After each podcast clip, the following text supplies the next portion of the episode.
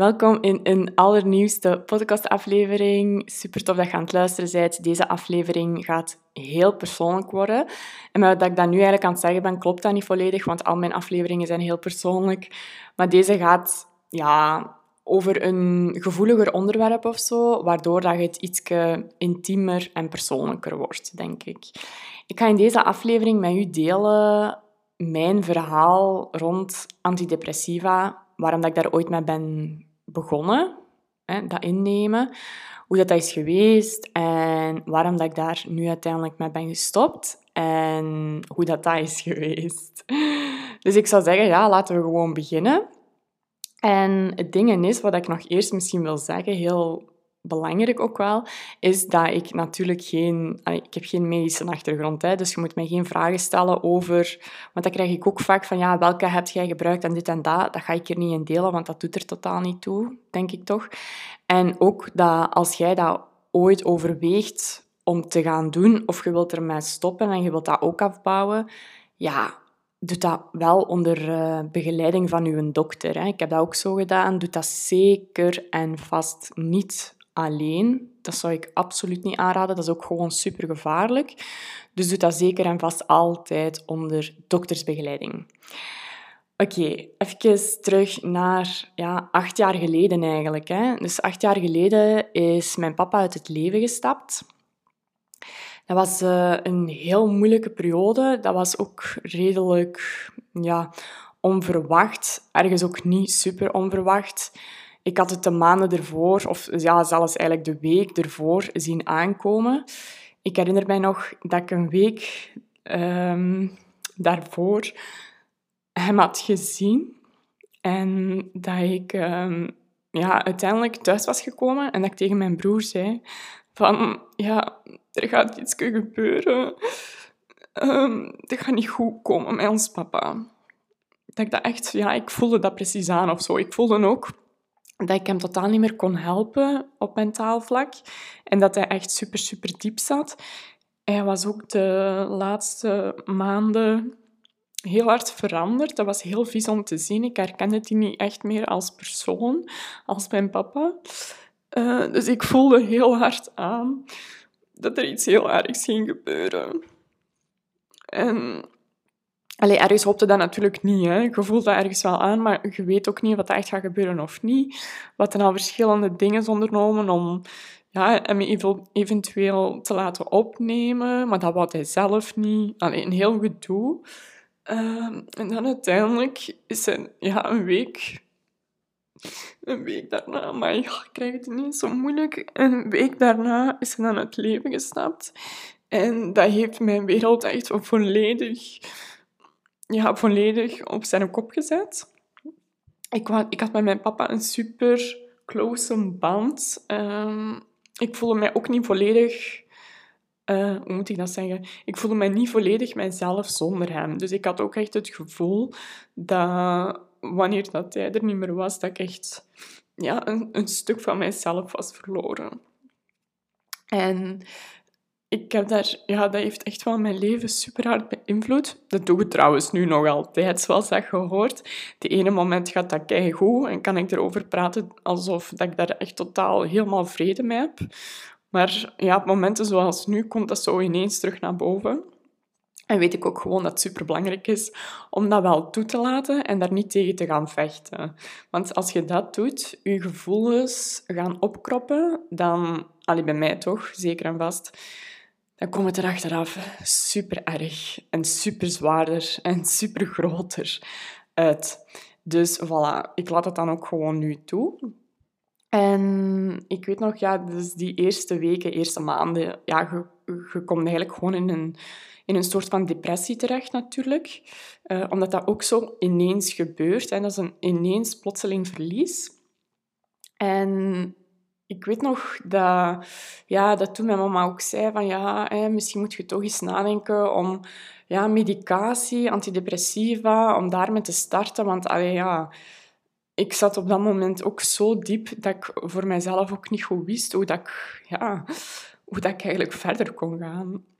En ik heb toen met mijn huisdokter besproken Die zei ook van, ja, je kunt met een superlage dosis starten. Want ergens had ik daar ook heel veel angst voor om met te starten. Omdat ik zoiets had van... Mijn papa, die... Ja, mijn papa, dat is eigenlijk een heel lang verhaal, maar mijn papa die nam uiteindelijk ook medicatie, omdat hij in een soort van ja, die was manisch depressief. Dus die nam medicatie, maar dat was heel... Dat was eigenlijk geen antidepressiva, maar dat was nog iets anders. Uh, dat was super zwaar. Uh, waardoor dat hij uiteindelijk op, van de ene dag op de andere heeft gezegd van ja, ik wil er eigenlijk mee stoppen. Die heeft dat gewoon op zijn eigen daarmee gestopt. En dat heeft zijn proces echt super hard versneld natuurlijk. Hè. Dus ik had altijd zoiets van ja, ik ben daar bang van langs de ene kant, want ik wil niet ik wil absoluut niet hetzelfde meemaken wat mijn papa heeft meegemaakt natuurlijk. Maar ik wist langs de andere kant ook van, hè, door er veel met slachtofferhulp en uh, met, met een dokter over te praten, wist ik van ja, dat is absoluut niet hetzelfde.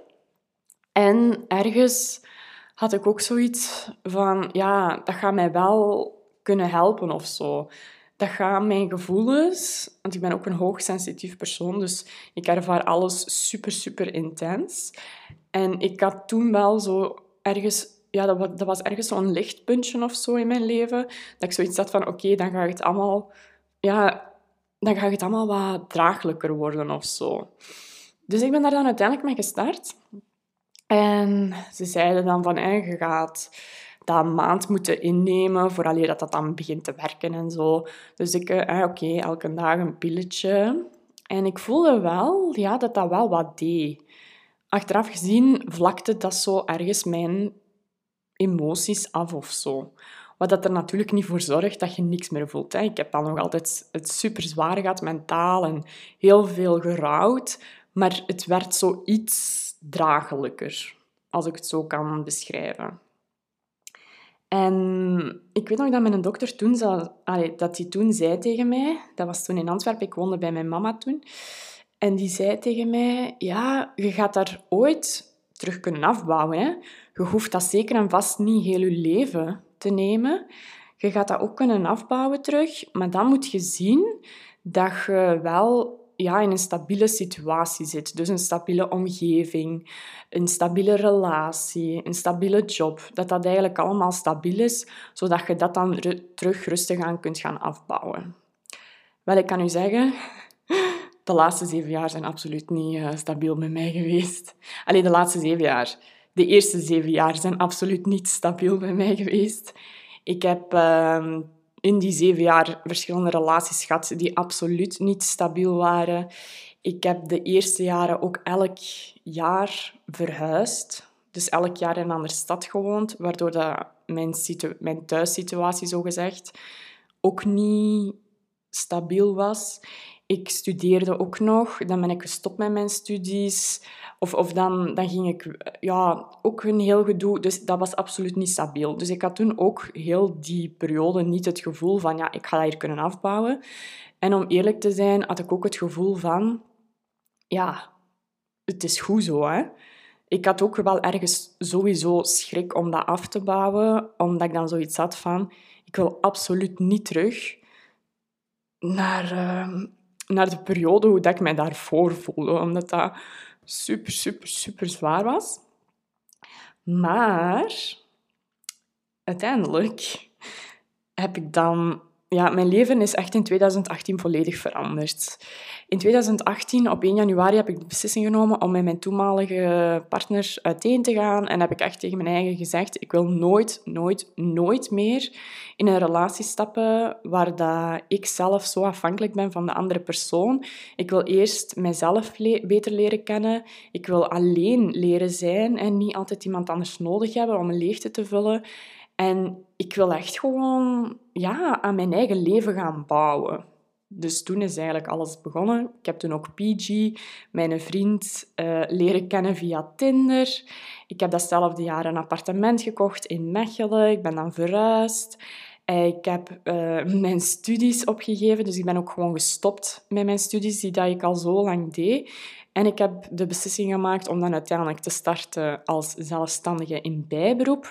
Ik heb mijn nummer aangevraagd datzelfde jaar en ik ben gaan werken in een koffiebar als hoofdberoep. En dan uiteindelijk op 1 januari 2019 is Manushka ontstaan.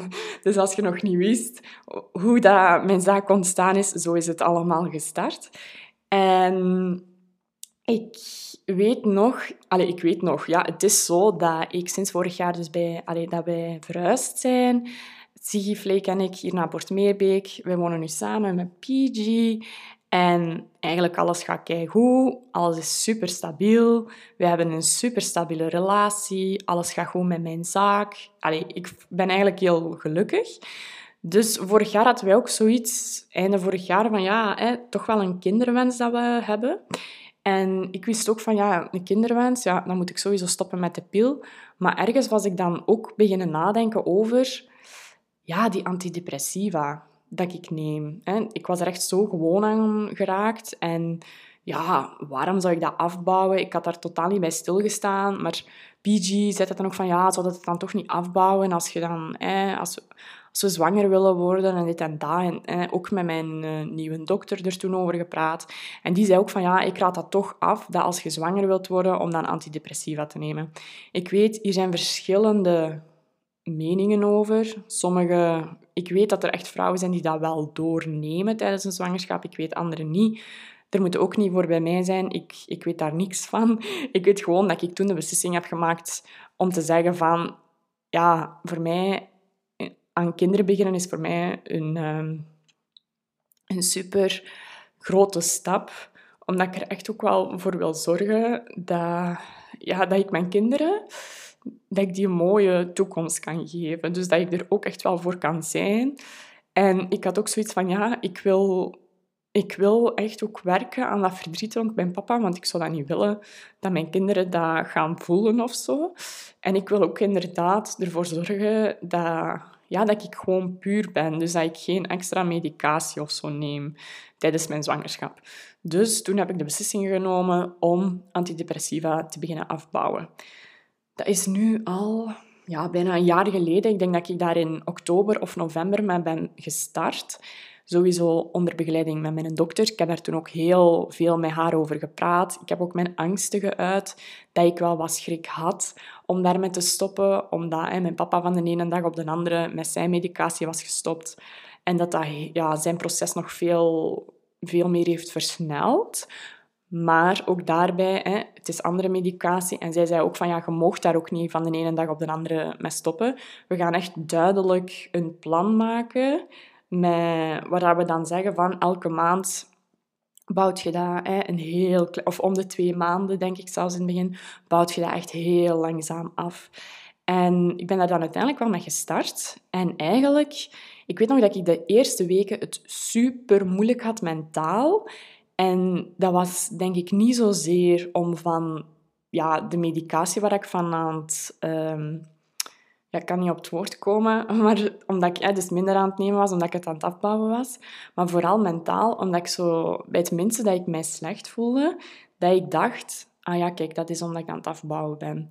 Dus om een duur was ik dat echt zo, ja, mijn eigen echt zot aan het maken. Dat bij elk dingetje, dat als ik ochtends iets wakker werd en ik voelde mij iets minder dan een dag voordien, dat ik dan direct dacht, ah, dat is door, door uh, mijn medicatie.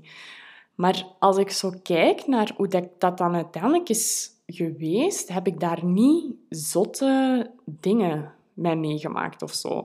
Als ik dat vergelijk met het, met het stoppen van de pil, ja, dat is natuurlijk een ander verhaal. Het stoppen met de pil is ook echt van de ene op de andere dag dat ik heb gezegd, ik stop ermee en ik neem het niet meer in. En ik neem het al meer dan 14 jaar, ik denk zelfs 16 jaar. Dus ja, natuurlijk was mijn lichaam helemaal uit balans en helemaal in shock. En al mijn hormonen die erbij kwamen kijken. Maar bij die antidepressiva heb ik dat echt super langzaam afgebouwd. Ik nam sowieso al de laagste vorm dat je hebt daarin. En ik heb dat op een half jaar, zelfs langer dan een half jaar, afgebouwd. En ik weet ook nog dat mijn dokter toen zei, vorig jaar, dat ik zei van, oh, maar ik heb schrik om daarmee te stoppen en wat gaat dat geven? Dat zij zei, ja, Nushka, wacht maar totdat je stopt met de pil. Dat gaat, wat, dat gaat nog wat anders zijn. En dat ik toen dacht, maar allee, ja, nu snap ik supergoed wat dat ze bedoelt, want ja, met de pil stoppen was echt super veel zwaarder dan uh, het rustige afbouwen van die antidepressiva. Dus voilà, dat is eigenlijk zo'n beetje het verhaal. Dus ik heb dat voornamelijk afgebouwd omdat je, ja, vooral ook voor mijn kinderwens. En sinds juli, sinds 1 juli, de verjaardag van mijn papa, ben ik ook gewoon volledig antidepressiva vrij. En ik voel me daar eigenlijk heel goed bij. Het enigste, als ik daaraan terugdenk, wat dat er van ja, een verschil heeft gemaakt of waar ik het moeilijk mee had, is die antidepressiva, ja, die zorgt er ook ergens voor dat je, ja, hè, je emoties afgevlakt worden. Maar langs de andere kant, ja, ik, ik begon het dan minder te nemen. En ik weet nog in het begin van dit jaar dat ik echt moeite kreeg met mij te concentreren. Dat ik constant overweldigd was, dat ik van het ene naar het andere bezig was, dat ik zo precies, ja, ik weet niet wat dat was, maar ik was superveel in de war. Ik kon ook heel weinig mijn aandacht bij iets houden. En toen heb ik eigenlijk, toen weet ik nog, dat Marieke van Chez Mariette mij zei op Instagram ja, Nushka, heb jij geen ADD? Want ik herken zoveel van mijzelf in nu. En dan was ik dat gaan opzoeken en dan dacht ik, maar ja, dat is zo herkenbaar. Echt al die symptomen die dat ze opsommen, ja, die heb ik. Dus ik denk dat is wat meer naar, de, ja, naar voren gekomen. Dat ik dat, daar, allee, dat ik dat dan meer heb uh, ontdekt van mezelf of zo, waar het dat ervoor totaal niet was. Maar ja, ook daarin weer, ik heb wel gezocht naar manieren om daarmee om te gaan en nu lukt dat bijvoorbeeld supergoed. Hè? Dus dat is eigenlijk zo'n beetje mijn verhaal daar rond, rond ja, hè, waarom ik daar ooit mee ben gestart en waarom ik dat dan ben afgebouwd en hoe dat is geweest. En ja, misschien heb je daar iets aan, misschien totaal niet. Maar voilà, dat was mijn verhaal. En ik zou ook zeggen, ja, als je eraan denkt om dat te doen, om dat te beginnen nemen, of dat je zegt, ja, ik wil ook afbouwen, doe dat zeker altijd onder uh, doktersbegeleiding. En voilà.